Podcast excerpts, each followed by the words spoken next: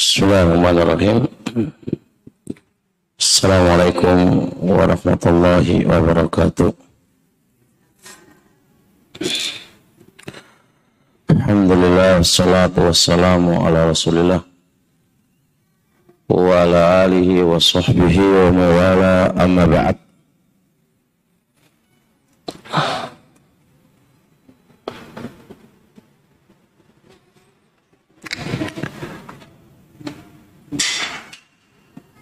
sebagaimana yang disampaikan di beberapa pertemuan kemarin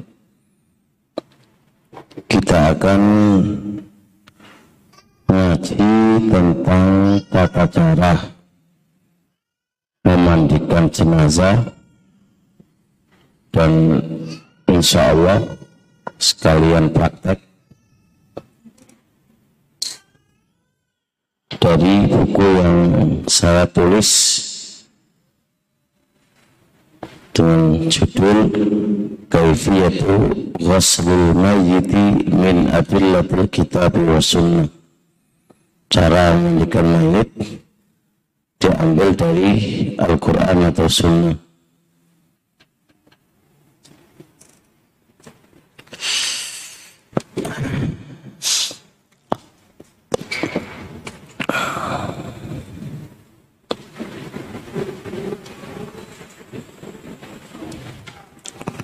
Cara pertama bisa ditulis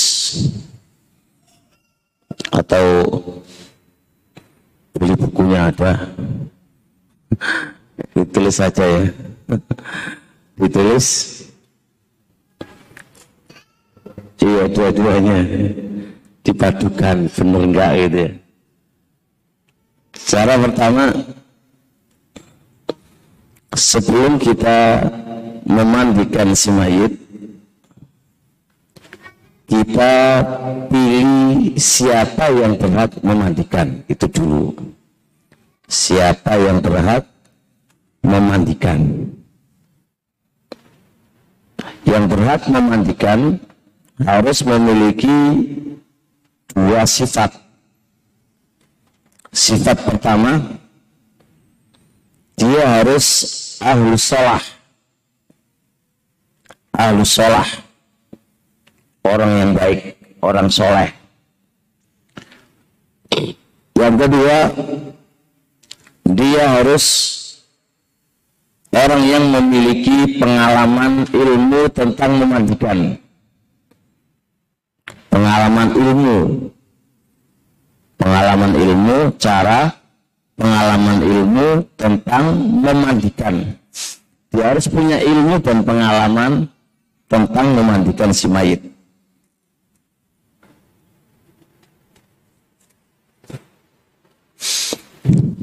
Jelas ya? Harus terpenuhi dua sifat. Apa sifat pertama tadi? Orang sholat. Soleh. Orang-orang soleh. Yang kedua, dia harus punya ilmu dan pengalaman. Ilmu tentang apa? Tentang memandikan jenazah. Pengalaman tentang memandikan jenazah. Baik, terusnya. Kenapa yang dipilih itu adalah orang soleh? Kenapa yang dipilih itu harus orang soleh?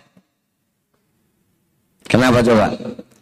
dipilihnya orang soleh supaya dia bisa menutupi aib-aib yang ada pada si mayit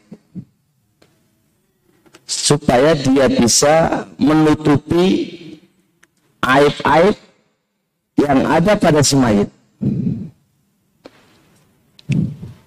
ini masalahnya sebab kalau dia buka aibnya si mayit nanti repot. Yang dulu dia selalu apa?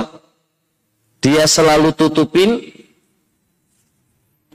kemudian pas dimandikan oleh orang ada cacatnya terus diumbar diviralkan gitu kan. Si A ternyata banyak tamunya si B matinya begini si C itu kan di masyarakat begitu umumnya begitu. Makanya kita pilih orang-orang soleh supaya dia yang memandikannya karena dengan dia yang memandikan itu berarti bisa menutupi cacat-cacat dan kekurangan pada si mayit. Oleh karenanya, Rasul alaihi salatu wassalam bersabda, Man satara musliman satarahullahu yaumal kiamah. Barang siapa yang menutupi aib seorang muslim, maka Allah akan menutupi dia besok pada hari kiamat. Kata musliman nakiro fisyaki syarat. Kaidah usul fikihnya itu berfaedah umum. Muslim apakah dia itu hidup ataukah dia mati. Muslim yang dia punya cacat atau dia nggak punya cacat umum siapa yang menutupi kekurangan-kekurangannya maka Allah akan menutupinya pada hari hari kiamat. Ini menunjukkan anjuran untuk menutupi cacat aib seorang muslim baik ketika dia hidup atau ma mati. Baik ketika dia hidup atau ma mati. Tapi kalau yang memandikannya itu bukan ahlu salah bukan ahlu ahlu salah alias mulutnya itu ember lihat ember ya ke mana-mana wah bahaya itu bahaya. Ditambah lagi larangan-larangan riba larangan-larangan riba itu masuk kepada orang yang hidup dan kepada orang yang mati Nanti dia menghibai. Si A jadi gendruwo. si B matinya itu keluar kencing terus. Si C mulutnya bengkong ketika mati. Ah, ini semua. Jadi celaan, cercaan, riba itu keluar dari orang-orang yang memandikan yang mana mereka ini tidak soleh. Enggak, enggak soleh. Kadang-kadang orang soleh itu cerita ya, apalagi gak ke orang soleh.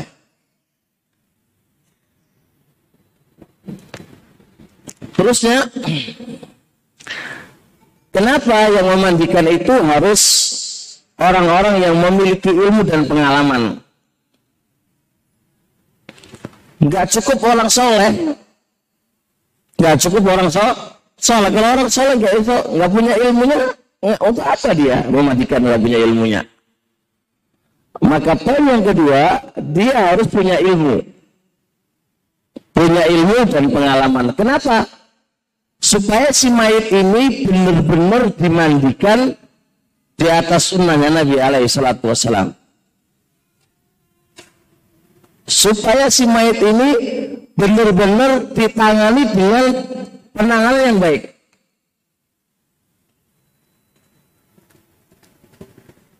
Jelas ini insya Allah? Nah. Karenanya Nabi alaihi salatu wasalam memerintahkan Ummu Atiyah untuk memandikan putrinya Nabi. Putrinya Nabi ketika wafat itu Rasulullah memilih nggak semuanya orang, tapi nyuruh Ummu Atiyah Al-Imam Nawawi dan Imam Ibn Abdul Bar menyebutkan kenapa yang disuruh ke Ummu Atiyah? Karena Ummu Atiyah itu dikenal di zaman itu orang yang punya pengalaman. Di samping dia punya ilmu, dia juga pengalaman. Makanya Nabi Yuna alaihi salatu wasalam menyuruh Ummu Atiyah. Kenapa kok kok gak nyuruh yang lain? Kerabat-kerabatnya, ya kan? Tapi kenapa kok menyuruh Ummu Atiyah? Di samping dia wanita salihah dan di samping itu pula dia punya ilmu dan pengalaman. Makanya dia yang memandikan Sima Sumayit. Ini bisa dilihat Nail Autor miliknya Syaukani dan bisa dilihat kitab Majmu pembahasan tadi loh bisa dilihat di kitab Nail Autor oleh Syaukani dan bisa dilihat Al Majmu' li Imam Nawawi dan bisa dilihat Al Bayan Fakih Imam Syafi'i rahimahullah taala. Jadi kita membahas ada referensinya, ada referen referensinya. Jadi kenapa kita memandikan si mayit ya memilih dua orang ini. Orang soleh dan siapa tadi? Orang yang punya ilmu dan pengalaman. Ya, kalau bisa jangan sembarang orang nyuruh memandikan istri kita, anak kita, atau kita sendiri. Jangan sembarang sembarang orang. Benar-benar carilah orang-orang itu benar-benar soleh, jaga lisannya, orang yang bisa menutup aurat, menutup aib, tidak lambe, tidak ember gitu, tidak bocor. Kalau orang-orang suka bocor itu repot pak, repot. Yang selama itu cacat yang dia tutupin sepanjang sepanjang masa dia malu kalau ketahuan orang, dia malu kalau ketahuan orang, ternyata apa? Ternyata bocor juga ketika dia ketika dia e, meninggal dan dimandikan oleh orang. Ini apa ini, Mas? Ini apa ini? Pakai ini? Enggak, enggak perlu. Taruh aja. Oh. Maksudnya nggak pakai ini nggak apa-apa. Oh, kalau dibawa, oh maksudnya begitu. Ya. Terusnya, apakah orang yang junub dan orang yang haid boleh nggak memandikan? Apakah orang yang junub dan orang yang haid boleh nggak memandikan si mayit? Hah? Jawabannya boleh. Jawabannya boleh. Tidak ada dalil yang melarang. Itulah penjelasan Imam Nawawi dalam kitab Majmu'. Imam Nawawi dalam kitab Majmu' mengatakan boleh, tidak ada masalah. Orang nifas, orang junub, orang haid itu memandikan si mayit. Kenapa? Karena nggak ada dah dalil. Tapi di sebagian pemahaman orang awam nggak boleh. Orang nifas, haid nggak boleh mem memandikan. Tapi ini nggak nggak beralasan, tidak ber beralasan.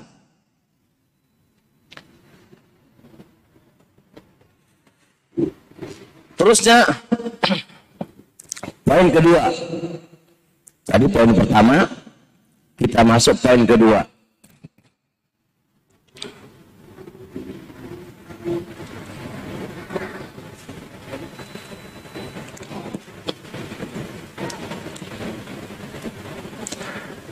Si mayit hendaknya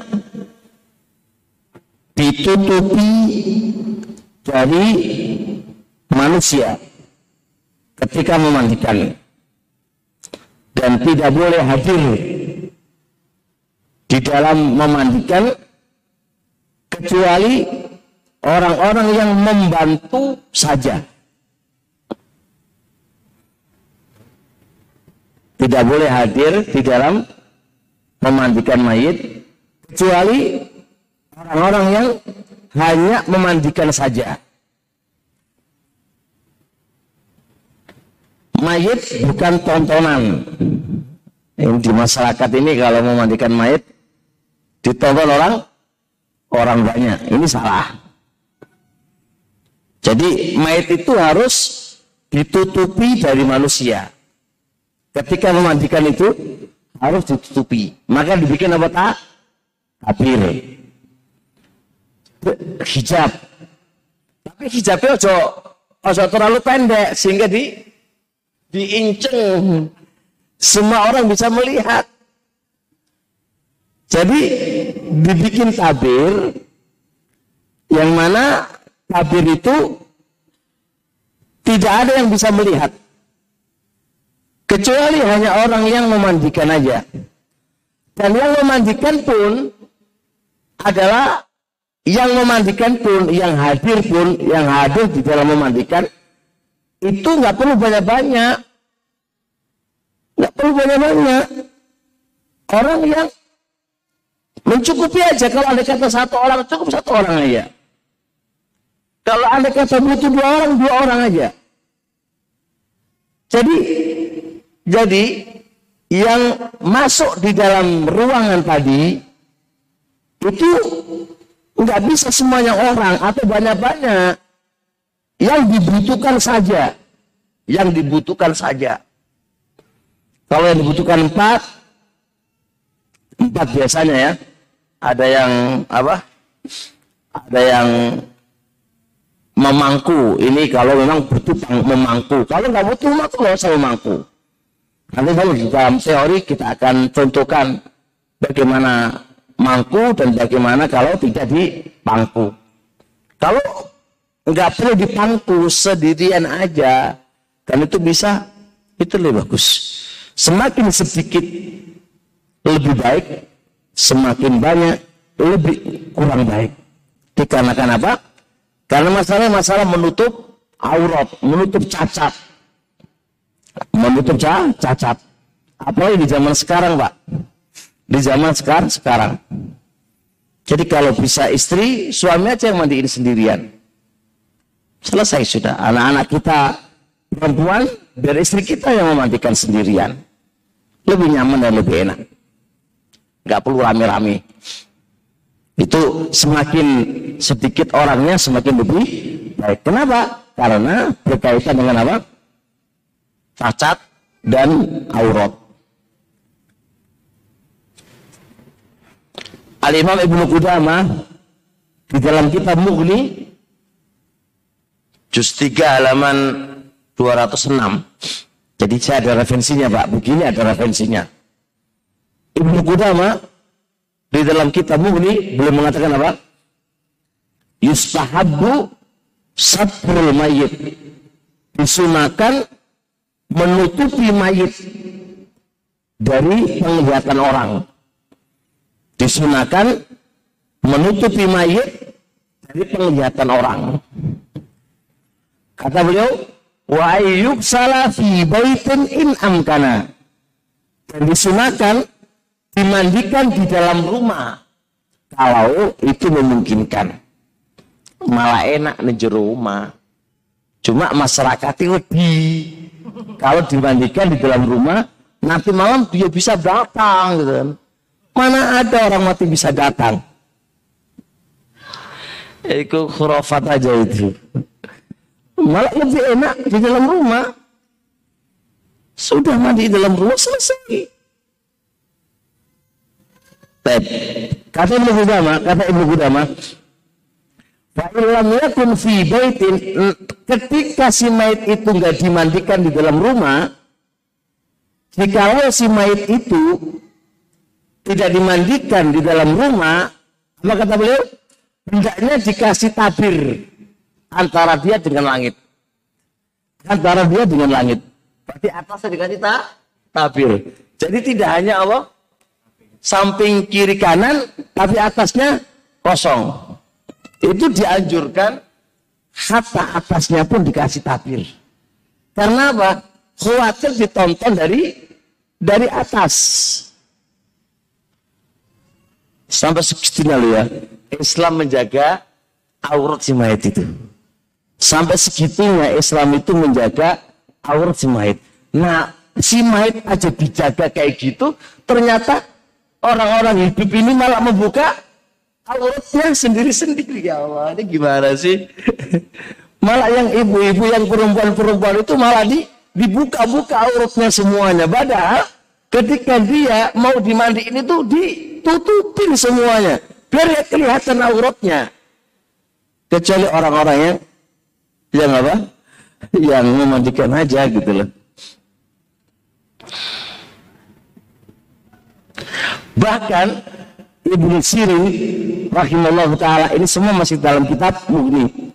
Bahkan Ibnu Sirin rahimahullah taala beliau itu menyunakan dimandikan di dalam rumah dalam keadaan gelap. Dalam keadaan gelap, jangan dikasih cahaya. Kenapa Pak? Kenapa coba? Sampai dalam keadaan gelap. Kenapa coba? Biar nggak keli kelihatan. Ini aibnya orang. Cacat orang, kekurangan orang. Itu malah di tempat yang gelap. Sekarang kasih tak kasih lagi begini. Ustaz, kalau di tempat yang gelap itu nanti nggak bersih, ya kan? Paling begitu kan? Saya, saya, saya kasih kaidahnya mendingan gak bersih daripada Allah terbuka aibnya. Mendingan gak bersih. Karena bersih itu bukan syaratnya Allah. Syaratnya dalam memandikan jenazah. Bersih hanya penyempurna aja dalam memandikan. Tapi menutup kekurangan mayit itu lebih wajib lagi. Jadi kalau kalau hanya dimandikan pokoknya dimandikan ya, terus kemudian digosok dengan dikasih air, udah itu udah mencukupi, mencukupi, insya Allah mencukupi nggak ada masalah kan. Cuma kalau terlihat aibnya, cacatnya kepada orang lain, ini justru lebih apa? Lebih bermasalah.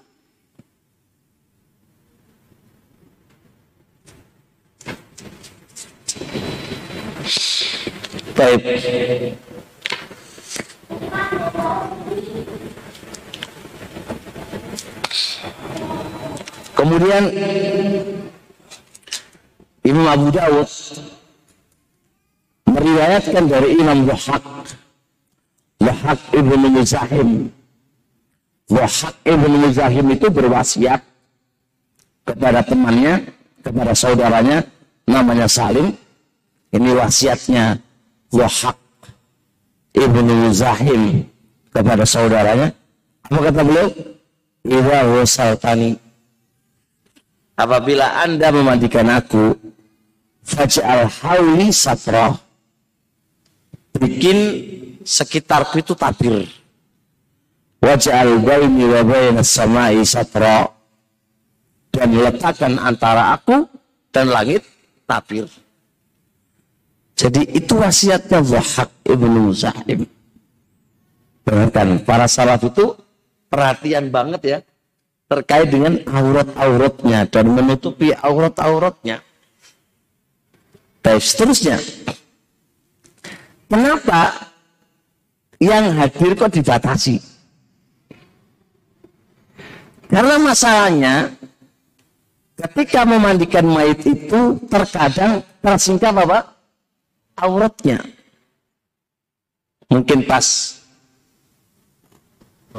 pas gosok-gosok di bagian paha, dubur, dan kubul. Itu terkadang terbuka. Nah, terus untuk apa orang lain datang dan melihatnya? Sedangkan dia nggak dibutuhkan. Gitu loh. Makanya aurat bukan tontonan. Makanya kita nggak pantas nonton TV karena itu aurat. Oh, itu karena aurat bukan tontonan gitu Namanya aurat itu apa sih? Namanya aurat itu aro ya uru auron auratan. Sejenis aurat itu adalah ketika terlihat oleh orang itu aib. Makanya dinamakan aurat. Aurat itu kan cacat, jelek. Jelek banget kalau kita itu melihat aurat Dan pemilik aurat itu jelek banget kalau membukanya kepada orang lain. Makanya memandikan mayit itu bukan ajang tontonan. Dan kita nggak layak menonton sesuatu yang memang bukan tontonan gitu loh. Benar Panggil. Abu Muhammad aman? Ibu-ibu paham ya? Khair insya Allah.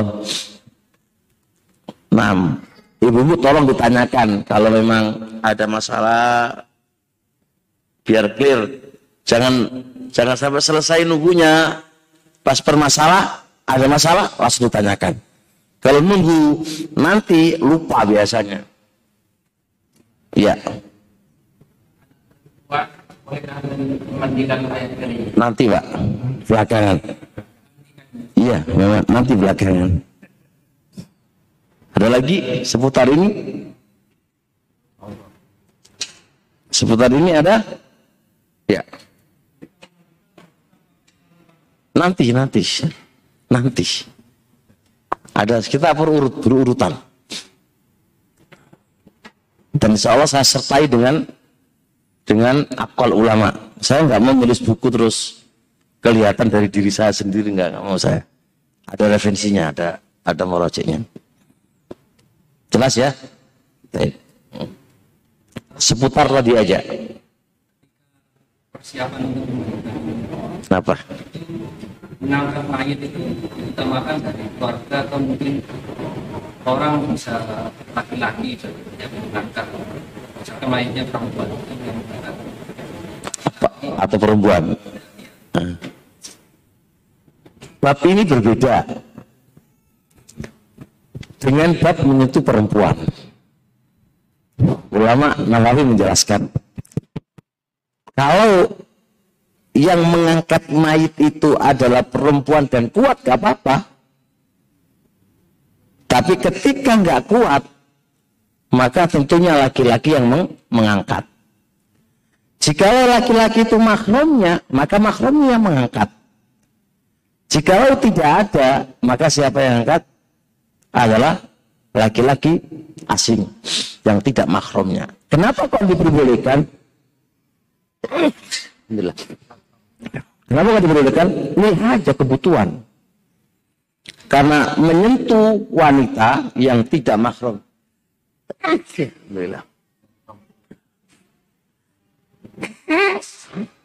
Menyentuh wanita yang tidak makromnya itu dilarang oleh syariat. Baik langsung atau ada kain yang menutupinya. Kain yang menutupinya kenapa nggak boleh hilangnya karena fitnah fitnah kalau menyentuh langsung jelas dalilnya Nah, ketika mayatnya perempuan untuk mengangkat dari rumah ke mana? Ke tempat pemandian. Itu ketika ada para wanita atau makromnya itu lebih baik. Kalau tidak ada, maka berarti apa? Boleh laki-laki yang lain untuk mengangkatnya. Kenapa? Pertama, fitnah hilang. Dikarenakan dia sudah ma mati. Yang kedua, dikarenakan kebutuhan haja. Karena nggak ada yang lain. Karena nggak ada yang lah, yang lainnya. Karena nggak ada yang lainnya, maka diperbolehkan orang lain yang mengangkatnya. Walaupun pasti ber, bersentuhan. Pasti ber, bersentuhan dengan tubuh si, si mayit. Dengan pakai tah, tapir. Apa itu? eh, ka, apa dengan penutup kah kain nggak apa-apa jelas ya terusnya Ustaz saya mau ya. tanya Assalamualaikum Salam itu di tetangga saya ada mayat perempuan yang memandikan ya perempuan tapi diberi tenda lalu penutup kainnya itu dari kerudung arang bagaimana dari itu Ustaz? Arang itu apa? Ah, jel- Oh, transparan. tipis, tipis. Tipis yo, ya Dan podo ae Bu. tudung. Tuh. Podo ae Bu, sama aja nggak nggak bener Bu. Itu nutupi podo karo nggak nutupi. Ya jenenge penutup itu nggak boleh tipis-tipis. Eh, Fungsi nutup itu kan biar kelihatan. Sama aja dengan kasus wanita berpakaian tapi telanjang. Ketoke pakaian tapi apa? Ngerawang kelihatan. Itu nggak nggak boleh. Fungsi daripada tabir itu adalah supaya nggak kelihatan dari dunia lu luar, dari lu luar. Jelas ya? Baik, terusnya.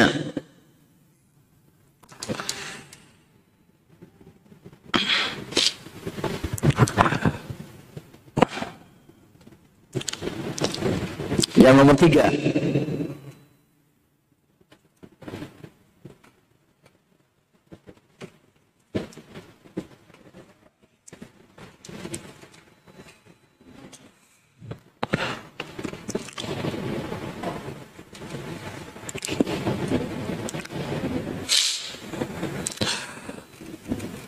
Disiapkan ranjang. Disiapin ranjang. Karena si mayit itu disunahkan dimandikan di atas ranjang.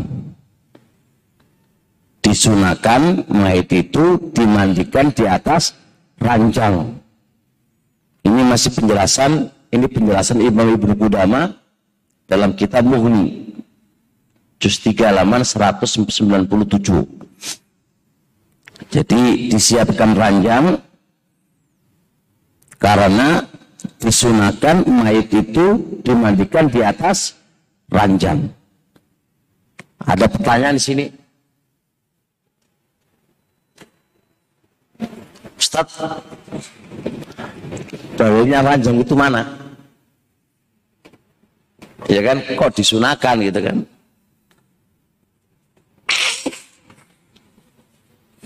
Namanya kata sunnah itu harus disertai dengan da, dalil. Imam Ibnu Qudamah dalam kitab ini nggak menyebutkan dalil, nggak menyebutkan dalil, tapi beliau mengatakan itu disunahkan. Kita yang menulis buku mencari kira-kira sisi manakah sampai Ibnu Qudama itu mengatakan disunahkan dimandikan di atas ranjang. Kira-kira alasannya apa? Maka di antara penyebutan alasannya di kitab-kitab yang lain itu adalah begini. Semua dalam rangka penghormatan kepada si mayit. Memandikan mayit di atas ranjang itu adalah bentuk apa menghormati si mayit. Dan menghormati si mayit itu perkara yang dianjurkan. Kalau dimandikan di bawah lantai di lantai pak ya itu podo karo tidak menghormati. Itu maksudnya. Makanya ibu kita walaupun tidak menyebutkan alasan argumentasi tapi pakai dalil umum berupa menghormati si mayit, berbuat baik kepada si mayit, berbuat baik kepada si mayit. Ketika ada tamu, itu bagus tidur di atas ranjang apa di lantai? Ranjang itu penghormatan. Penghormatan. Maka itulah alasan Ibnu Qudama kenapa disunahkan di atas ranjang. Terusnya di atas ranjang terus diletakkan di atasnya menghadap ke arah kiblat. Mayit diletakkan di atasnya ini kata Ibnu Qudama masih lanjut kata Ibnu Qudama. Terus diletakkan dalam keadaan menghadap ke arah kiblat. Ini gimana cara menghadapnya ke arah kiblat?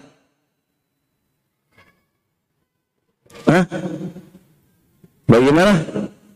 Meletakkan ranjang, yang ranjang itu bisa mayitnya diletakkan kemudian menghadap ke arah kiblat. Gimana caranya? Hah? Mau gini? Kalau begini, mayatnya nanti gimana? Menghadapnya. Iya kan? Beda kalau di kuburan. Kalau di kuburan menghadap ke arah kiblat karena posisi mayat apa? Miring. Nah, ketika si mayat dimandikan di atas ranjang itu posisinya apakah? Dia miring kan nggak terlentang. Mana pak? Kepalanya diangkat. Ya. Nah, coba kayak gini loh pak ilmu.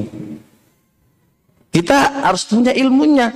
Terus meletakkan mayat di atas ranjang. Terus ada kitab arah kiblat nggak ngasih referensi terus gimana referensinya? Dari mana ini? Harus ada ilmunya. Mana kitabnya? Yang mengatakan ini siapa?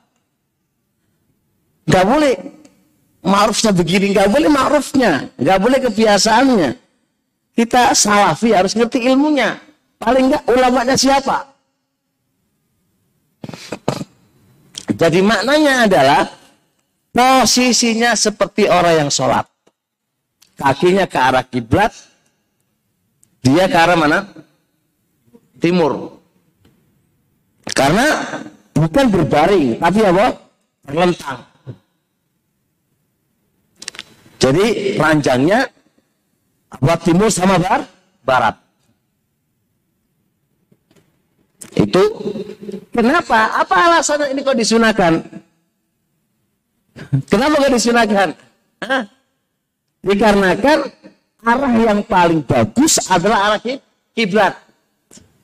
Itu alasan mereka. Kiblat adalah arah yang ter, arah, yang paling bagus. Kiblat adalah arah yang paling bagus. Mandikan mandikanlah mayat itu di arah yang bagus, yaitu mengarah ke arah kiblat. Itu penjelasan dari buku Dama.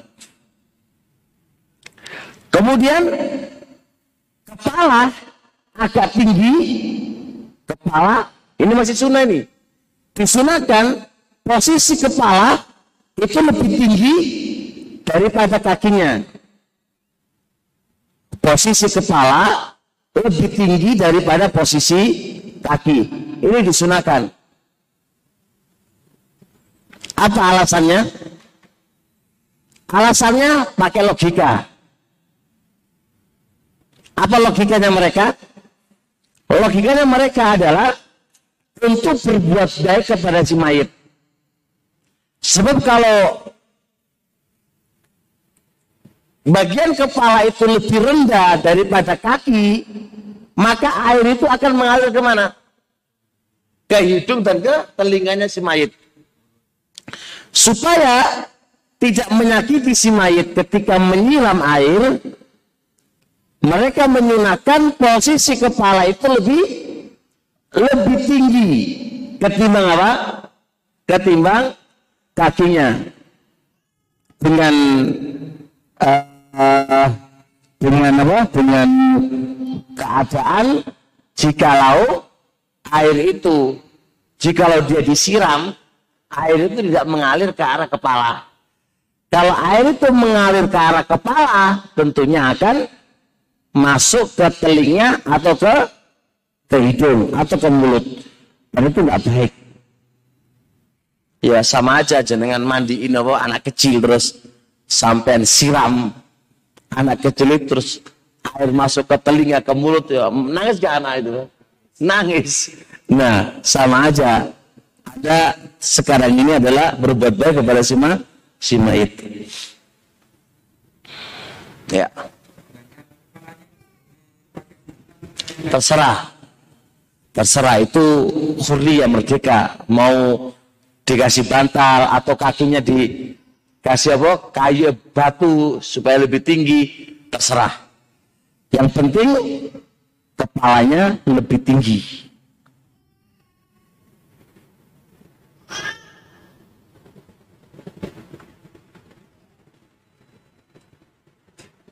Ya. Mana yang abdor dimandikan di atas ranjang atau di pangkus? Kalau ditanya mana yang lebih afdal sesuai dengan kondisi. Kalau di pangku otomatis butuh banyak orang. Kalau dia sendirian nggak butuh banyak orang. Pertanyaannya, Anda bisa sendirian? Monggo. Kalau udah berpengalaman, mendingan sendirian. Kalau istri kita, Anda sendiri selesaikan. Mau mandikin gampang kok, nggak susah. Gampang, gampang banget. Nggak susah. Biar nggak banyak orang tahu. Hanya cukup kamu dengan dia yang tahu. Nggak butuh banyak orang. Letakkan aja di ranjang, dimandiin nanti caranya nantilah. Jadi sesuai dengan kebutuhan Anda. Kalau Anda nggak bisa, berarti kan butuh orang mampu. Nanti paling susahnya membalikkan aja toh.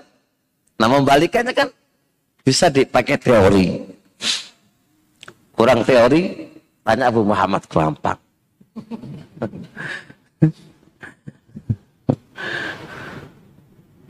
Ya, Umahat, ada pertanyaan lagi? Sekarang sini. Ini penjelasan tadi dikutip dari kitab Al-Mughni Imam Ibnu Qudam rahimahullah taala. Jadi kita selalu ya kawan, mau amalia kita itu paling enggak ada ilmunya. Harus ada, harus ada ilmunya lah. Kalau ada Quran atau sunnahnya oke. Kalau enggak ada paling enggak ada ulama ulama yang bicara karena mereka ahli dalam bidang ilmu.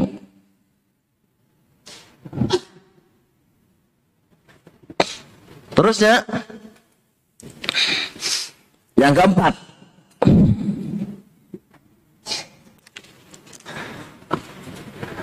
Disunahkan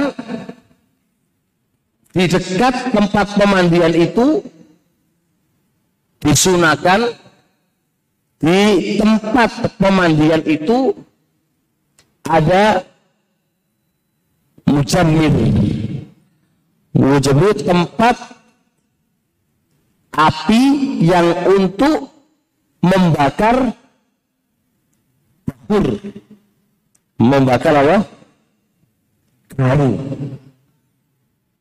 buta. Ini, ini, ini, ini, ini disunahkan ini. Jadi tempat pemandian itu di pinggirnya itu ada tempat pembakaran yang itu baru di situ supaya apa? Keluar wangi. Apa fungsinya? Kenapa kok ini disunahkan? Perhatikan kenapa kok sampai disunahkan? Ini kalau Ibnu Qudamah di Mughni Pak. Kenapa ini disunahkan? Sebab memandikan si mayit itu otomatis banyak nggak kotoran-kotoran yang keluar? Nah supaya tidak mengganggu orang baunya itu nggak mengganggu orang maka garu itulah yang me, apa jenenge? Me, me, me, apa namanya? Ya mengharumkan gitu kan. Mengalihkan ya mengalihkan yang awalnya tidak harum menjadi harum. Nanti kan iki ambune opo cah biasa nih kan eh, yang nyelawat nyelawat itu oh my itu kok ambune gak ini ngomong wae kan nah untuk menghilangkan pernyataan-pernyataan yang demikian itu makanya ada ada ada sesuatu yang mengalihkan yaitu garu selalu bisa bikin wangi di sekitarnya. Enggak kok hanya nikahan tok. Ruangan dikasih garu. Ruangan memandikan mayit pun itu ada garu gitu loh Abu Muhammad langsung ingat kan soalnya dulu nikahnya kayaknya ada garu di kamarnya itu kan. Ya kok pas nikah aja ada garunya gitu loh. Ya, itu tapi ya memandikan mayit pun ada gak garu gitu loh. Biar nggak terlalu apa? Nggak terlalu anu lah maksudnya mayit itu kayak mengerikan gitu loh mengerikan banget gitu loh apa baunya nggak enak wala apa gitu kan maka ada cara yang demikian itu. Nah sekarang sekarang itu masalah pak. Orang mengira itu adalah menyan, ya kan? Nah, eh dupa. Wah iki mayite kono dupae iki apa iki ngono paling kan. Wis dukune iki tekan ndi iki wah. Nah kalau ada efek yang demikian ini hendaknya dijauhi.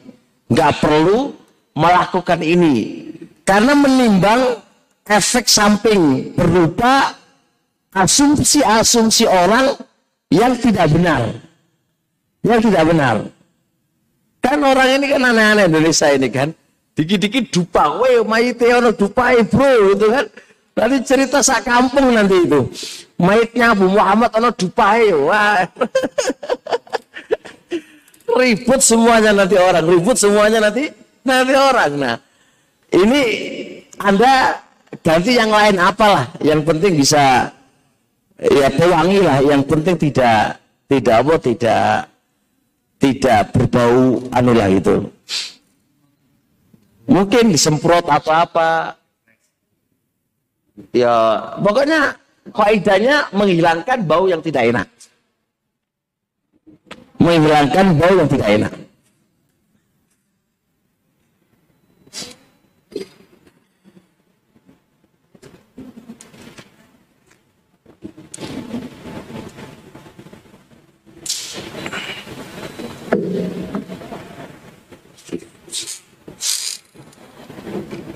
Seterusnya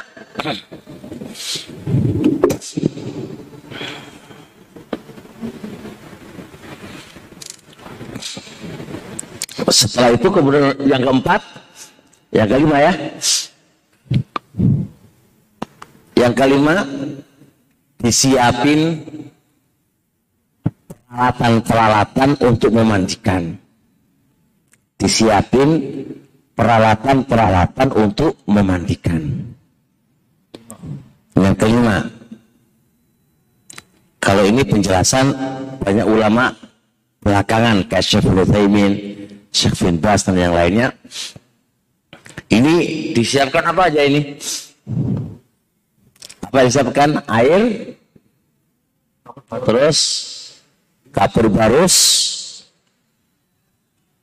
bidara ya kapur ya, bidara, jadi air air bersih sendirian, terus air yang tercampur dengan bidara, terus air yang tercampur dengan kapur harus siapin.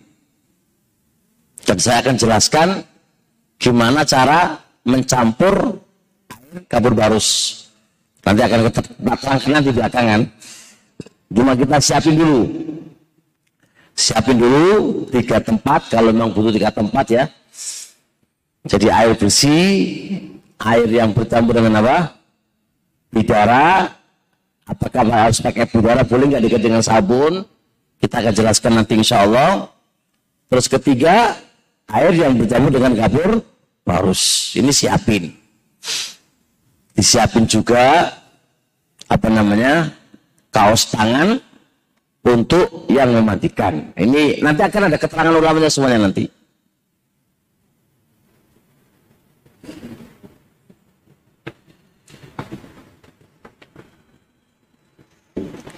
Sudah jelas ya?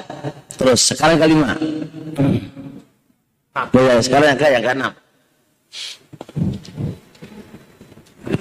Mayit dilepas bajunya dan diletakkan kain yang menutupi aurat. Jadi mayit otomatis ketika dia mati terkadang mereka masih berbaju berpakaian. Maka ini berarti apa? Di digunting atau dilepas. Kaidahnya begini kaidah. Kaidahnya baju si mayit tetap namanya baju. Enggak boleh kita main gun gunting. Karena itu akan ada pertanggungjawaban di sisi Allah. Artinya anda bisa meminimalkan baju si mayit itu tidak rusak. Biar bisa dipakai oleh orang lain. Nah, melepas baju, melepas baju, melepas baju, itu dilepas bajunya. Kalau nggak bisa, kalau nggak bisa, baru digunting.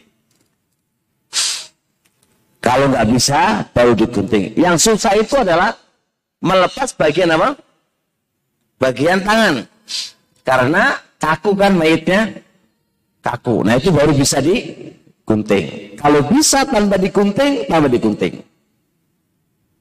Itu kaidahnya.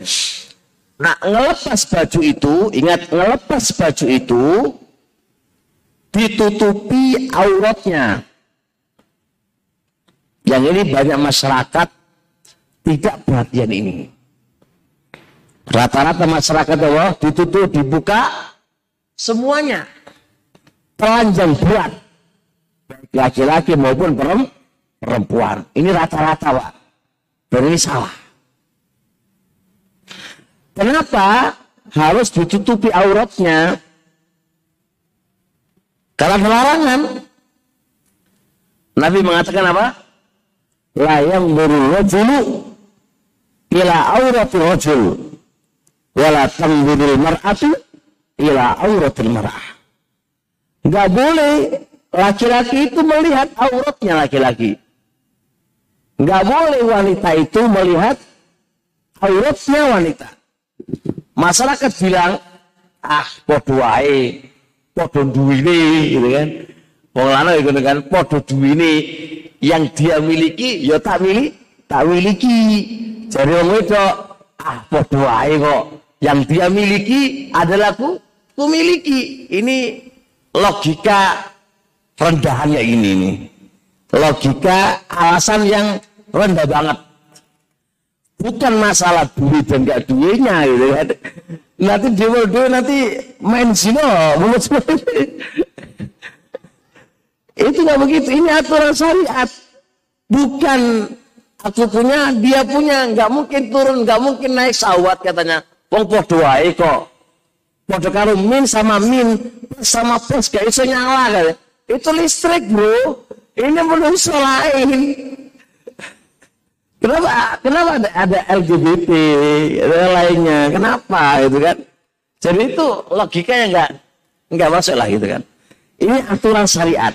Rasul mengatakan lah yang berwujud seorang laki-laki nggak boleh melihat auratnya laki-laki dan seorang wanita nggak boleh melihat apa auratnya wanita. Berarti nggak boleh dilihat kan gitu.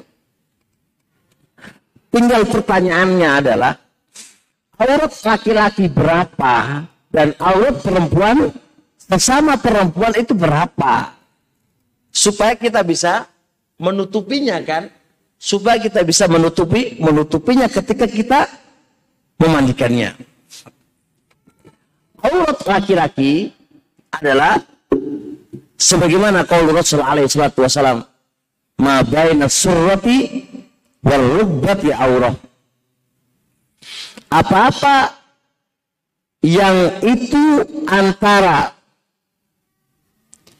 pusar dan lutut antara pusar dan lutut itu adalah aurat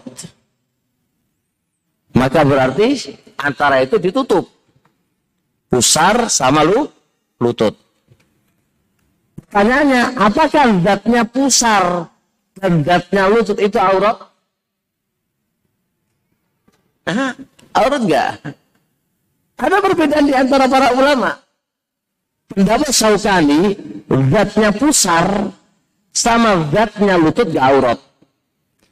Karena Nabi alaihi salatu wassalam itu mengatakan apa? Mabaina, antara. Antara lutut sama pusar. Berarti pusar dan lututnya nggak masuk. Paham gak?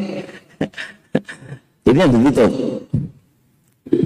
Adapun perempuan, aurat perempuan, antar perempuan ada khilaf di antara mereka. Tapi yang masyur, kalau jamaahirul ulama, pendapat jumhur ahli ilmu, aurat perempuan antar perempuan itu sama seperti aurat laki-laki antar laki-laki yaitu apa? Antara pusar sama lutut. Berarti boleh terlihat bagian atasnya, bagian atas pusar dan boleh terlihat bagian bawah lu, lututnya.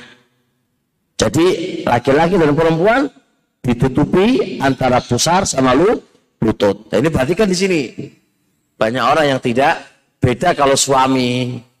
Yang mandiin suami sama is, istri. Ya setelahnya nggak apa-apa karena itu adalah nggak aurat bagi dia.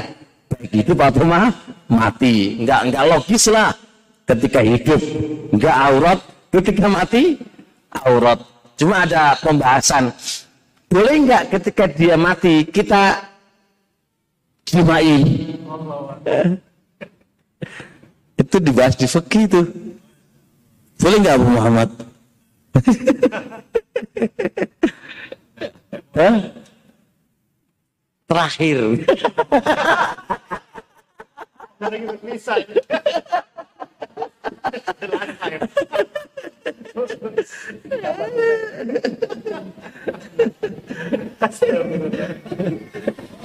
jadi jadi apa? Terakhir. Perpisahan terakhir itu. Allah Ustaz. Ala kulihal ada khilaf di antara mereka. Ada yang mengatakan boleh, nggak ada masalah. Status masih istri. Ada yang mengatakan nggak boleh, karena sudah sudah mayit. Dan itu menyakiti kepada si si mayit. Ala kulihal pertanyaan sampai, saya berpikir begini, kira-kira ono toh gitu kan. Kira-kira ono to gitu kan. Kira-kira ono to gitu kan. Kenapa harus dijawab? Wong ini kan hanya ada enggak gitu kan? Apa harus dijawab gitu kan? Kira-kira ada enggak gitu kan? Pernah saya itu datang ke Syekh Robi ke majelis beliau di Mekah. Selesai uh, belajar saya datang ke beliau dan nanya suatu masalah pertanyaan saya itu adalah Syekh saya punya duit haram. Duit haram itu saya pakai kerja. Kerjanya halal. Apakah hasil dari kerja saya yang halal tapi pakai duit yang haram itu halal nggak saya? Saya nanya, apakah pertanyaan kamu itu terjadi atau enggak katanya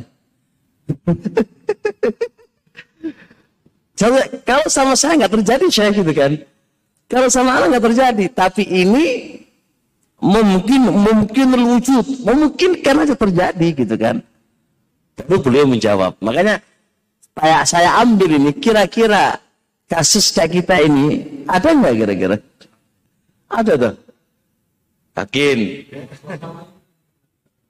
Oh, pemerkosaan mayat. Mayat diperkosa. Oh, kalau diperkosa aja ada gitu ya. Memungkinkan suami istri terjadi persetubuhan gitu ya. Masya Allah. Masuk, masuk. Itu mudin tuh ini. Antum mudin tuh ini.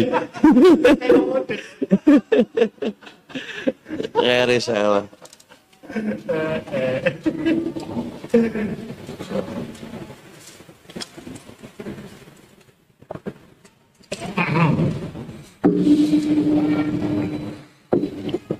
Baik ya. Terusnya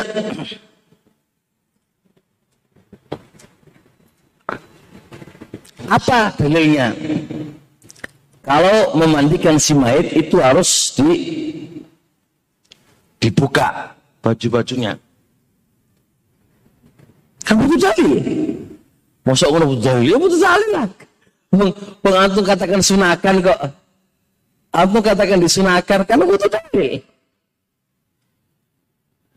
Yaitu hadis Aisyah radhiyallahu taala anha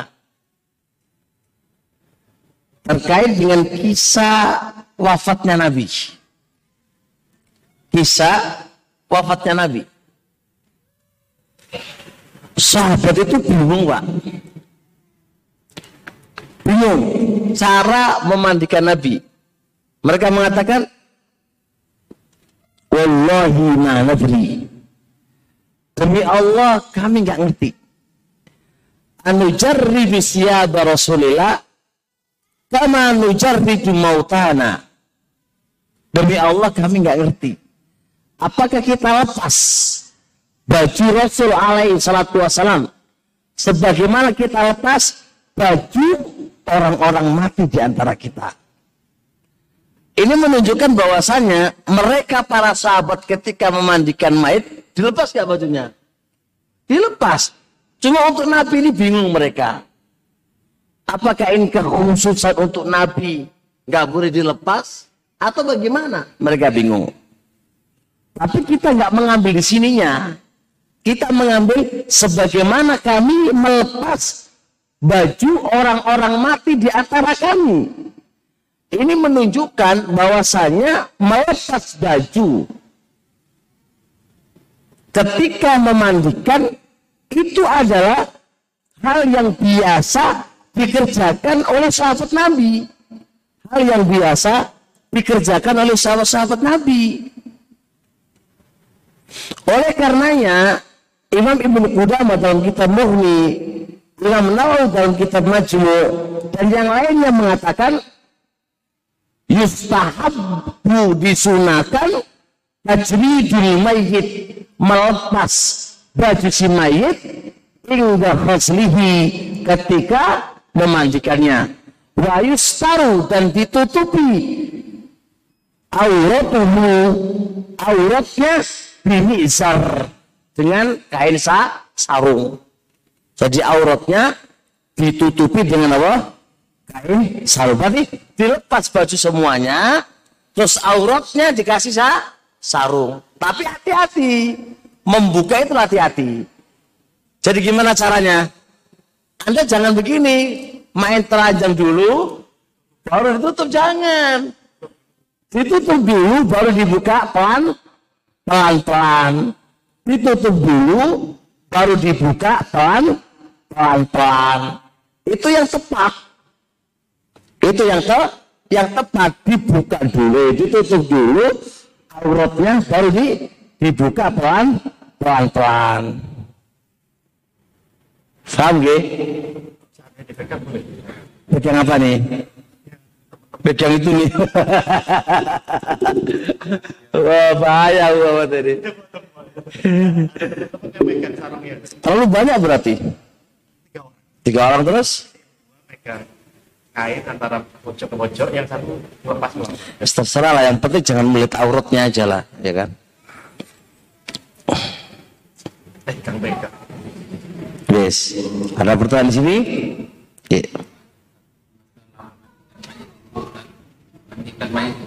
Sunnah Ustaz? memandikan mayat fardu kifayah Mandikannya itu iya fardu kifayah kalau nggak ada yang memandikan semuanya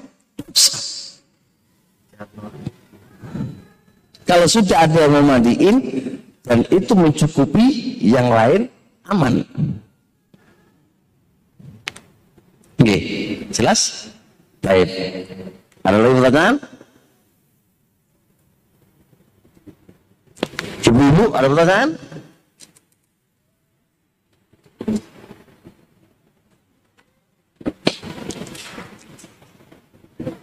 Baik. Terusnya. Masih belum. Untuk anak kecil. Untuk anak kecil.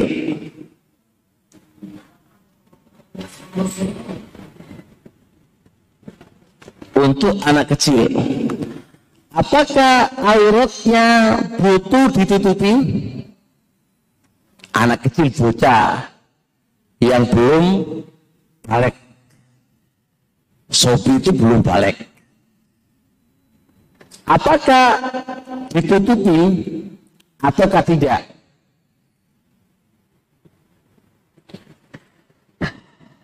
Hal ini pernah ditanyakan oleh Imam Ahmad. disebutkan oleh Imam Ibnu Qudamah dalam kitab Mughni beliau menukilkan dari Abu Dawud kalau Abu Dawud Qultu li Ahmad. Aku bertanya kepada Imam Ahmad. As-sabiyu yustaru kamal kama yustaru kabiyu Apakah anak kecil itu ditutupin? Sebagaimana orang besar ditutupin auratnya. Apa kata Imam Ahmad? Ayo saya ini staru minhu. Untuk apa dia ditutupin? Untuk apa dia ditutupin? Sebagaimana dia tidaklah aurat di masa hidup, maka ketika mati juga bukan aurat. Berarti pernyataan Imam Ahmad ini boleh nggak dibuka?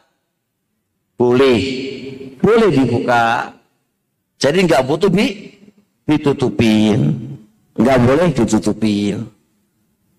Tapi tetap yang memandikannya adalah apa? Laki-laki. Kalau dia laki-laki, perempuan adalah perempuan. Kecuali ya si buta kecil ya yang belum memayis mungkin sama uminya ya masih nggak apa-apa karena dia masih ke masih kecil. Karena dia masih masih kecil nggak apa-apa.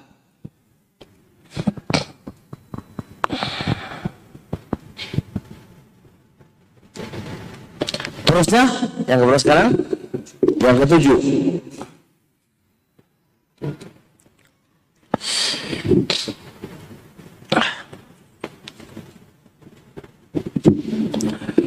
Melepas gelungan. Oh gelungan ya? Apa gelungan itu? Ikat rambut. Ya. Ikat rambut. Melepas ikatan rambut bagi wanita ketika dimandikan. Jadi ketika mayatnya itu wanita ternyata rambutnya itu dikipang dikipang diikat dipintal. Maka dilepas dulu dilepas dulu semuanya. Biarkan terurai.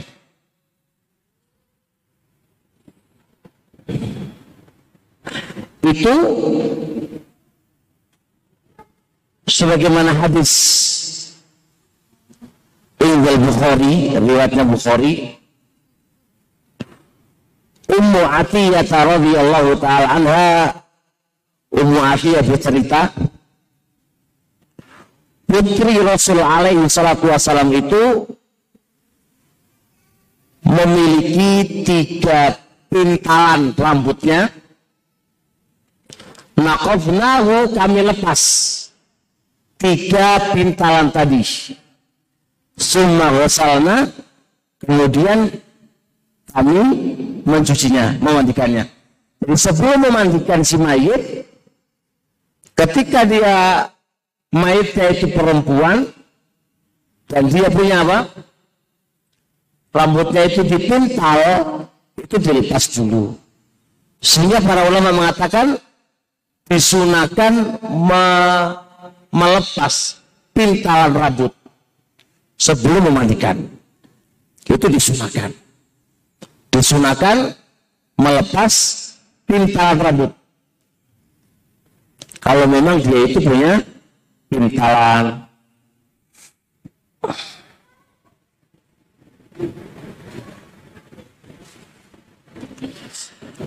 Masih masih berapa ini sekarang? Tujuh. Sekarang ke delapan. Hah? Tadi hadis tadi. Umatnya tadi. Oh, mati ya. Iya. Itu udah hadis itu, dalil itu. Yang ke delapan, yang memandikan itu memakai sarung tangan atau sesuatu yang menempati sarung tangan. Jadi yang memandikan itu apa? Dikasih sarung tangan. Kalau sekarang ada sarung tangan ya, sekarang dulu pakai kain, Pak. Kakinya di tangannya di bubeli karo kain. Apa yang menjadi alasannya? Dan ini disunahkan. Apa yang menjadi alasannya? Ini, apa sih? ini penting, ini penting banget ini. Apa yang menjadi alas alas itu alas itu di, di, di, disunahkan? Perhatikan. Sarung tangan ini akan berfungsi ketika membersihkan bagian aurat. Membersihkan bagian apa? Aurat. Ada kotoran. Kotoran. Nah, perhatikan. Menyentuh aurat itu kan nggak diperbolehkan oleh syariat. Maka daripada menyentuh, maka ada apa? Ada sarung tangan. Biar tidak bersentuhan secara lang langsung. Dan mau nggak mau harus membersihkan bagian apa? Bagian auratnya. Bagian auratnya. Jadi alasannya kenapa kau pakai sarung tangan? Karena dia pasti menyentuh secara langsung kepada auratnya jika tidak pakai jika tidak pakai sarung tangan. Ketika dia pakai sarung tangan, maka menyentuhnya tidak secara lang langsung. Jadi meminimalkan persentuhan. Makanya kaidahnya menyentuh, melihat aurat itu hukumnya haram, apalagi merabanya gitu kan. Nah, ketika meraba kulit dengan kulit, jelas hukumnya haram kan. Meminimalkan supaya tidak apa bersentuhan langsung, maka pakailah sarung tang sarung tangan. Bisa dipahami nggak? Itu alasannya mereka mereka begitu. Yang kedua juga, yang kedua juga orang terkadang jijik kalau bersentuhan dengan kotor kotorannya. Nanti kan pasti memegang zakarnya si mayit dan kemaluannya si mayit kan pasti itu kan membersihkan kotorannya. Nah kalau anda pegang tangan dengan tangan, kulit dengan kulit kan gimana? Akan ada rasa, akan ada rasa. Tapi ketika ada ada apa? Ada sarung tangan, maka tidak bersentuhan secara lang langsung. Makanya paling enak itu suami sama istri sudahlah enak kan itu yang mandiin. Mau bersentuhan langsung, nggak langsung. Makanya Nabi Alaihissalam e, mengatakan, kalaulah aku mati dulu, Aisyah yang mandiin gitu kan. Itu karena biar nggak orang lain gitu loh, biar nggak orang, nggak orang lain. Diatur oleh Islam ya megang aurat orang itu di, diatur secara Islam. Ini dalam mandikan mayat loh. Gimana kalau dia itu hidup yang memiliki perangsang gitu kan? Yang memiliki perang perangsang.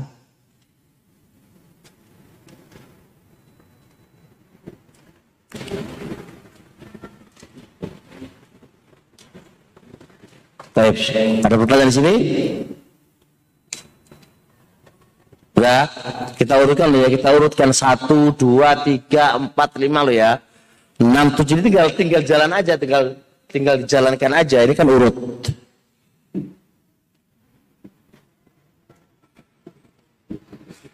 Terus yang ke sembilan. Ini belum memandikan baru baru persiapan persiapan. Ini sekarang baru mulai. Kesembilan baru mulai, Pak. Yang kesembilan, yamurra yadahu ala batnihi.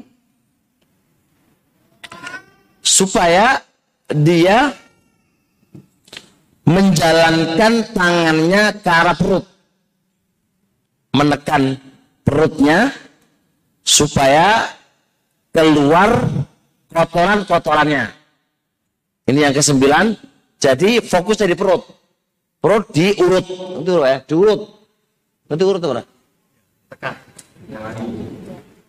Iya, iya. Tapi dimulai dari perut maksudnya apa? Ditekan perutnya. Ditekan perutnya supaya keluar sama dia najis. Supaya keluar dari perutnya itu najis. Yang belum eok supaya keluar eoknya, itu kan. BAB-nya keluar, yang belum kencing supaya kencing. Nah, ini dijelaskan oleh Imam Qudamah dalam kitab Mughni. Jadi kenapa setelah apa namanya kenapa kok diurut dulu ditekan dulu bagian perutnya? Kenapa Evan sebab ketika dimandikan dimandikan itu biar nggak keluar lagi pembatal-pembatalnya nanti kalau nggak sampai ini dulu tiba-tiba sudah memandikan, sudah mau selesai, keluar BAB-nya, keluar kencingnya, kerjaan lagi. Bahkan terkadang ketika dikasani, baru keluar BAB-nya. Berak di kafan. Enggak. Itu bikin capek apa? Capek sih yang mandikan. Makanya Sebelum itu terjadi, diurut dulu, diurut dulu. Bagian perut diurut dulu, diurut sampai diperkirakan sudah nggak keluar lagi apa-apa yang ada di dalam di dalamnya. Imam Ibnu Syaibah dalam kitab Musannaf menyebutkan dari Ibnu Sirin Ibnu Sirin itu mengatakan batnul mayit. Jadi perut mayit itu diremas-remas, ditekan-tekan. Fi awali wasla. Di awal memandikan itu perutnya ditekan-tekan. Asrotan khafifa dengan penekanan yang lembut. Oh cukup get-get. Lalu metu kabeh Sahabat usus ya. Jadi fun. Al-Imam Syafi'i rahimahullah ta'ala dalam kitab Al-Um juga menyebutkan sama. Al-Imam Nawawi rahimahullah ta'ala juga menyebutkan kasus yang sama. Artinya di awal sebelum memandikan itu bagian perut di ditekan. Apa tujuannya tadi? Supaya tidak, supaya apa? Keluar kotoran-kotorannya. Dan tidak membatalkan wudhunya setelahnya. Atau menajisi apa namanya kain kafan kafannya. Makanya tujuannya dua, dua fungsi. Fungsi pertama tadi apa? Iya, membuang kotorannya. Yang kedua apa? Biar tidak membuat najis yang lain. Ketiga, biar nggak membatalkan wudhu wudhunya. Nanti kalau di putaran kedua, nanti kan kalau nggak antum bersihkan di awal, nanti batal wudhunya. Anda harus mewudhukan lagi. Kalau di putaran kedua, antum tidak perhatikan banget, Nanti di putaran ketiga ternyata keluar lagi. Maka itu membuat apa? Capek pada orang yang memandikannya. Harus membutuhkan lagi, harus membutuhkan lagi, harus membutuhkan lagi begitu.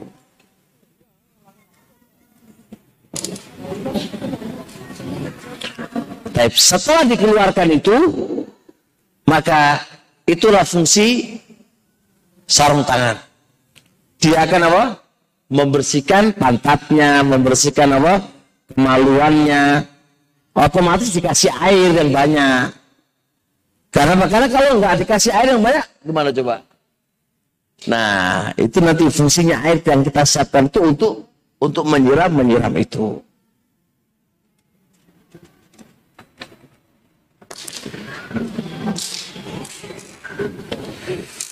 Terusnya 10 gram belum Gimana kalau mayatnya ini lagi hamil?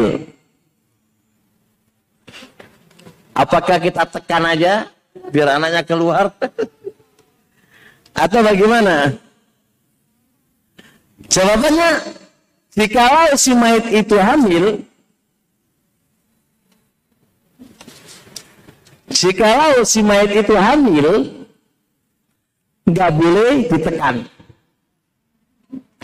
Karena apa? Dua mafsada, Pak. Kalau kita biarkan, ya otomatis akan tersisa kotoran kan gitu. Tapi kalau kita tekan, itu nyakiti si, ma, si mayit. Maka di sini pelajaran kita tadi subuh. Mana yang paling kecil mafsadanya? Dibiarkan, jangan ditekan demi menjaga anak. Dua mafsada. Kalau kita biarkan, memungkinkan kotoran keluar. Tapi kalau kita lakukan, menyakiti anak, bahkan mungkin bisa keluar anaknya. Kalau penekanannya terlalu keras. Malah kerjaan dua kali, Pak. Makanya dibiarkan. Dibiarkan. Ada sebuah hadis, cuma hadis lemah. Cuma hadis lemah. Fa'inka nafhubla fala yuharrikuha. Jikalau maitnya itu maitnya hamil, maka tidak boleh perutnya digerak-gerakkan tidak boleh ditekan-tekan tidak boleh itu ada hadisnya itu hadis lem, lemah jadi kesimpulannya ya lihat kondisinya aja gitu kan kalau sih nggak perlu nggak perlu terus pertanyaan selanjutnya gimana bagi orang yang sudah dibersihin masih keluar terus BAB-nya gitu kan. Sampai ping 3, ping 4, ping 5 masih keluar terus. Maka di sini Syekh Ibnu berkata dalam Syarhul Mumti ya ambil kapas yang tebal itu kan terus letakkan di duburnya supaya nggak keluar jangan semen atau semen kapas. Tadi kapasnya di faster. Ya itu itu itu. Kalau dikasih itu masih keluar aja terus mana? Ya wis. Lanjutkan sa saja. Fattakullah mas tum. Itu kan ini kayak darah gitu kan. Orang yang sakit apa itu? Eh, darah keluar terus saja. Ya gitu semampunya. Pada titik terakhir Anda kasih kapas, udah diplaster gitu kan, biar e, darahnya di kapas itu gitu. Kalau masih keluar sudah Bismillah lanjutkan. Karena itu di atas kemampuan kemampuan kamu. Iya. Wanita yang hamil tadi hmm. wanita hamil itu sudah umur 8 bulan. 8 bulan. Bayi itu sudah gerak-gerak mungkin dengan HPL kemudian ibunya hmm. bayi itu masih dikeluarkan pertanyaannya pastikan dulu bayinya hidup atau mati kalau hidup itu ada dua kaidah kaidah pertama adalah uh, membelah tubuh si mayat itu nggak boleh secara-saraan tapi menghidupkan anak yang di dalam perut ibunya itu maslahat. Itu kewajiban yang lebih besar. Maka menimbang kaidah yang kita pelajari tadi, nggak apa-apa. Dibelah dan diambil anaknya. Nggak apa-apa. Karena maslahat yang lebih yang lebih besar. Maka belajar kaidah biar nyaman. Ya. Hmm. Ya makanya pastikan dulu. Bayinya itu mati. Bayinya itu atau mati. Kalau mati ngapain dikeluarkan? Tapi walaupun dia mati, gak boleh antum tekan, kan itu mengganggu si dia. Gak boleh menyakitin dia. Bayangkan loh, bayi, bayi mati dalam kandungan aja, para ulama mengatakan nggak boleh ditekan. Karena itu mengganggu si mayit. Mengganggu mayit. Kalau mayit di dalam perut kamu tekan. Ya nanti kepala iso bocor ya Heri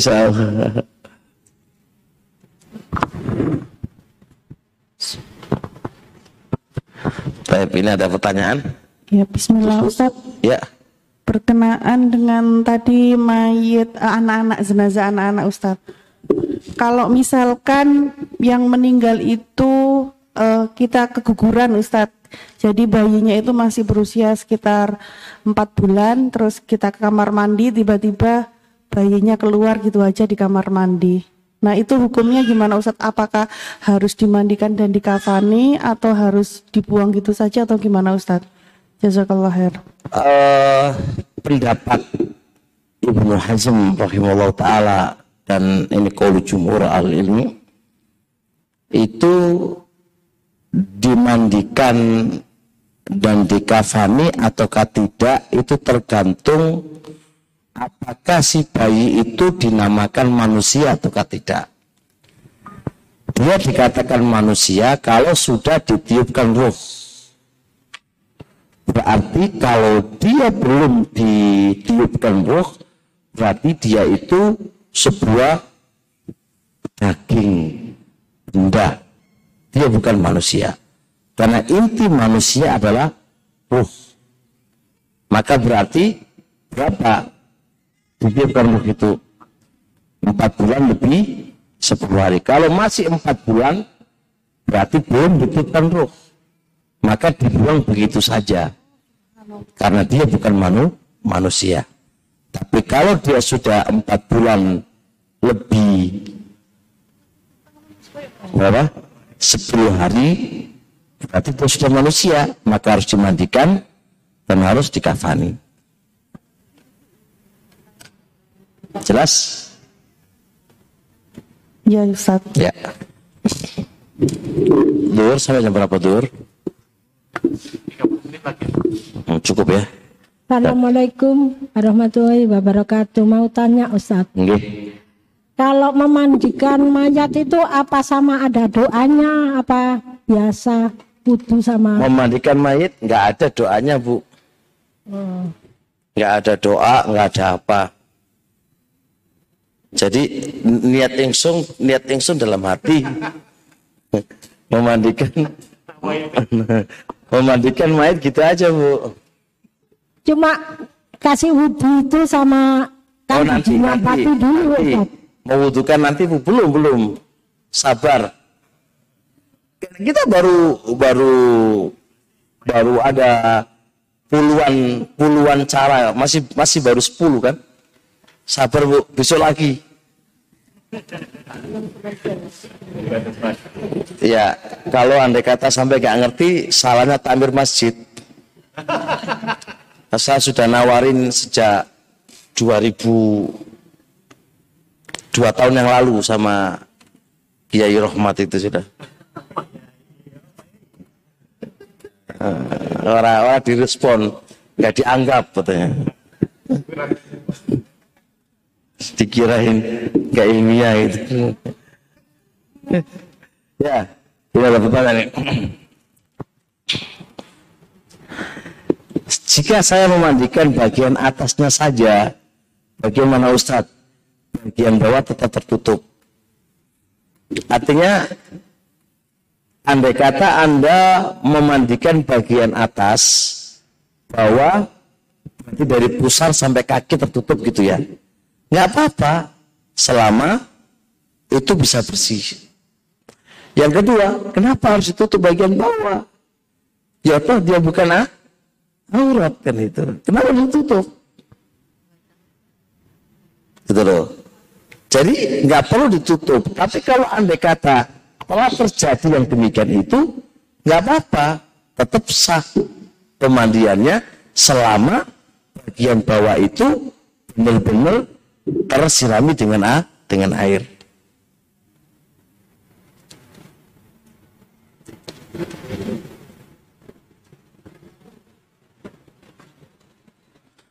Bagaimana jika belum mengerti atau tata cara memandikan ada yang salah karena banyaknya masukan karena banyaknya masukan dari banyak orang akhirnya sudah terlanjur memandikan dengan tata cara yang salah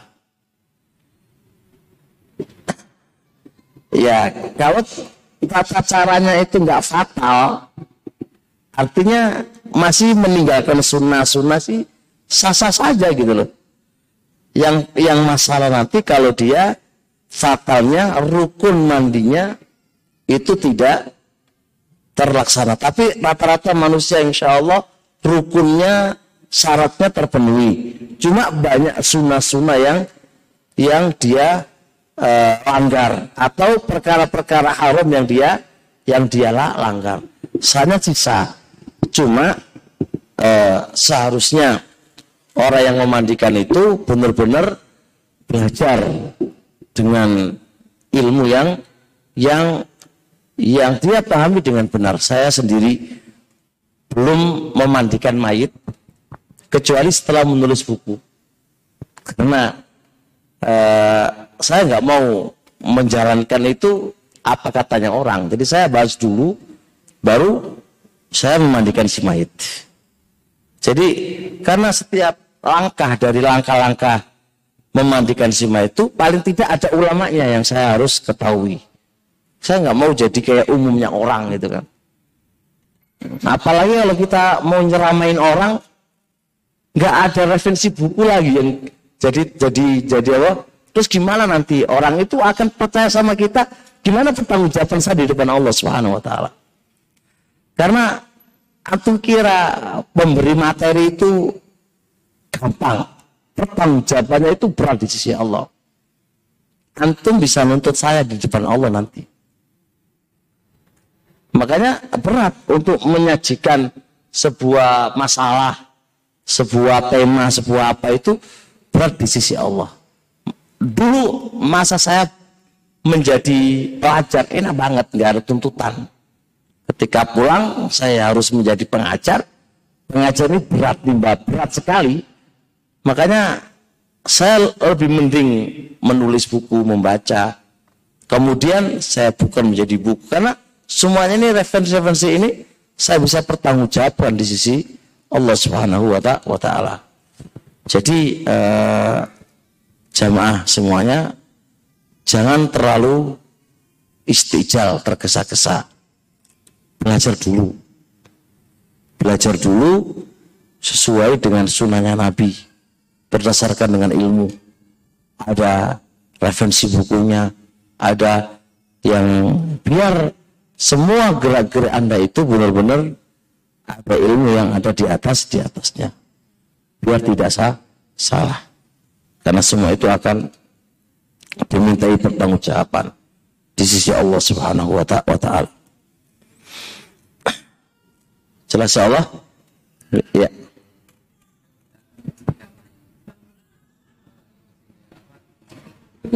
Nanti Pak belakangan masih ada. Terakhir. Saya berurutan Pak. Jadi kalau saya ngaji nggak berurutan repot nanti. Berurutan. Nah.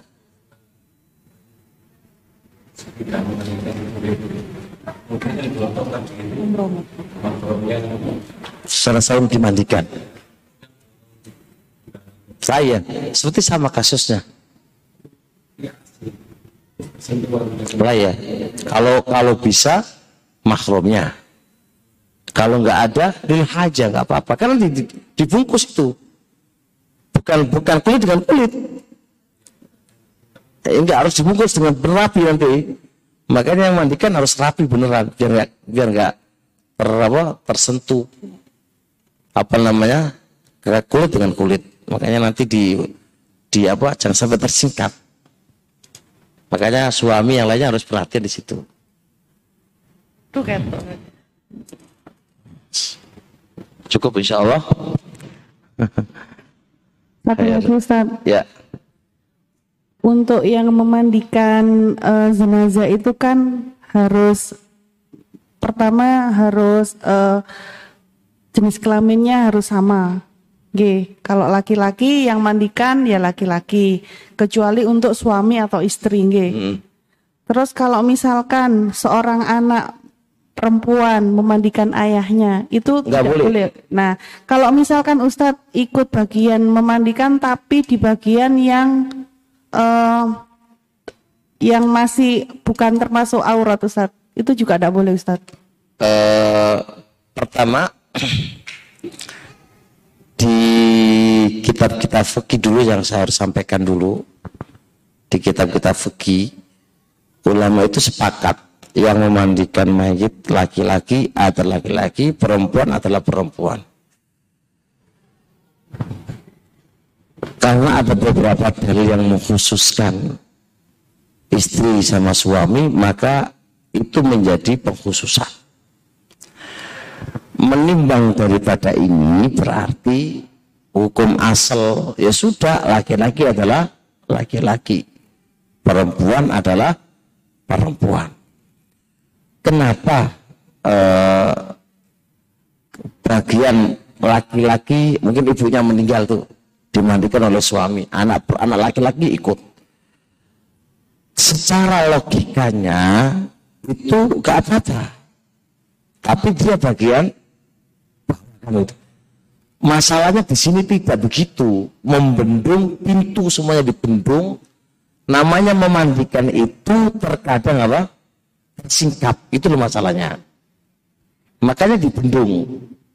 Pintu itu dibendung. Kalau itu dibuka, maka akan menjadi orang itu menggampangkan.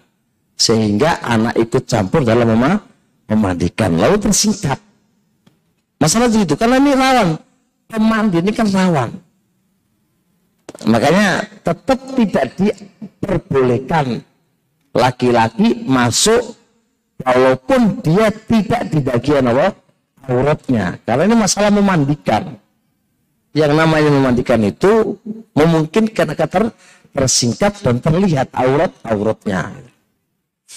Makanya di fikih nggak ada pembahasan.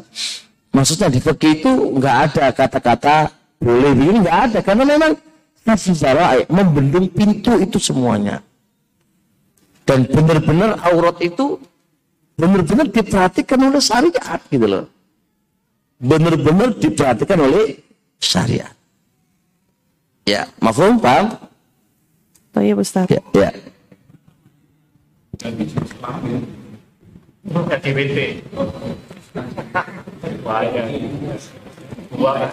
Yang dia awalnya laki-laki terus jadi perempuan memang memang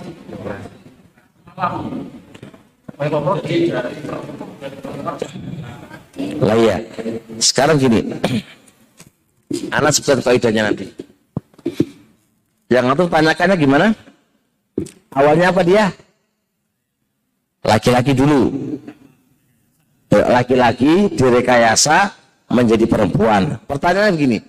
Ketika direkayasa itu yang terjadi adalah perempuan atau laki-laki sekarang ketika meninggal. Ketika meninggal itu dia jadi perempuan atau laki-laki? Nah itu dulu.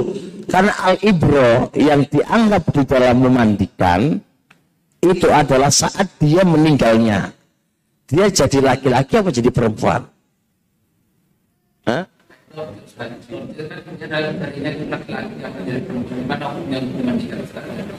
Enggak, kita bahas hukum merubah belakangan dulu. Sekarang status dia itu apa dulu? Status dia itu adalah hukum untuk dia adalah yang paling terakhir. Adapun kalau laki-laki ke orang punya dua dua jenis kelamin, ini beda babnya. Yang satu kan punya satu kelamin tuh. Yang awalnya laki-laki dibikin perempuan gitu kan. Ya, berarti kan punya satu alat kelamin aja. Nah, kalau dia punya satu alat kelamin yang itu ada hasil rekayasa atau perbuatan manusia, berarti al-ibro yang terakhir ketika dia meninggal. Jadi kalau yang ter- yang meninggal ketika meninggal itu perempuan, berarti perempuan yang memandikan. Waktu kan jadi perempuan. Kalau perempuan jadi laki-laki, berarti yang melahirkan dia laki-laki, dia jadi laki-laki. Nah, kalau dia punya dua kelamin, ya kan, namanya ban, banci. Bagaimana ini? Para ulama mengatakan manusia itu sebenarnya hanya ada dua, laki-laki perempuan. Gak ada manusia yang ketiga nggak ada.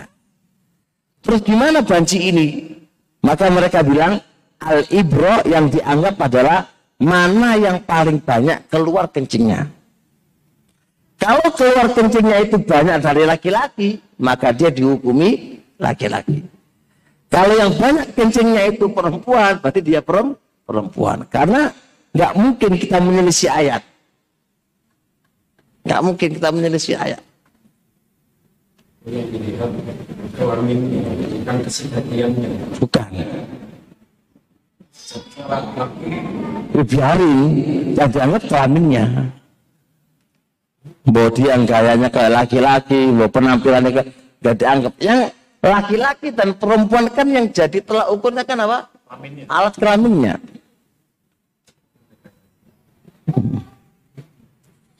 Paham insya Allah ya? Baik, sampai di sini insya Allah Subhanakallah wa hamdik. Assalamualaikum warahmatullahi wabarakatuh